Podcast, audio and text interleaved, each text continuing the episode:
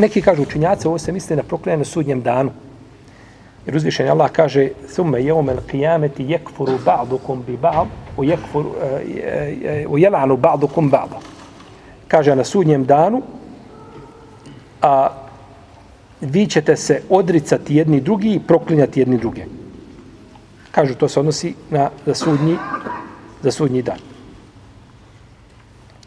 A kaže Ibn Arabi da je dozvoljeno proklinjati eh, nepokornike od muslimana kao skupinu bez razilaženja među učenjacima. Da kažeš Allahovo prokledstvo na one koji se pripisuju mimo svome ocu.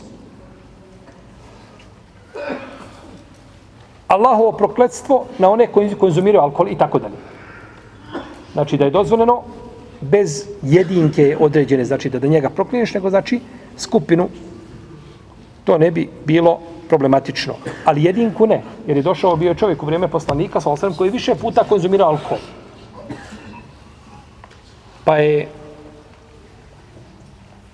jedan put izvršena kazna, pa drugi put, pa, pa je neko rekao, Allah, ma eksere ma ju'ta bihi. Allah ga prokleo koliko puta samo je doveden ovdje pred nas da tako dobije, nekada su dali granjem, nekada papučama, tako je bilo, je tako, u vreme poslanika, sa osrem, Pa je rekao poslanik, nemojte ga, kaže, la te kunu, a une šeitane ala ahiku. Nemojte, kaže, potpomagati šeitana protiv vašeg brata.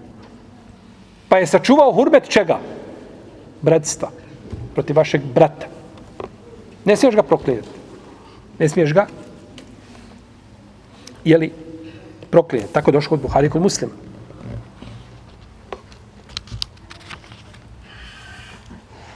Dobro, neki učinjaci kažu smije smije. Kako smije? Kažu, zato što je ovaj čovjek izvršena nad njim kazna. I to ga je učistilo. I onda ne smije za to. Ali ako ne bi bila izvršena kazna, onda šta? Smije. Onda smije.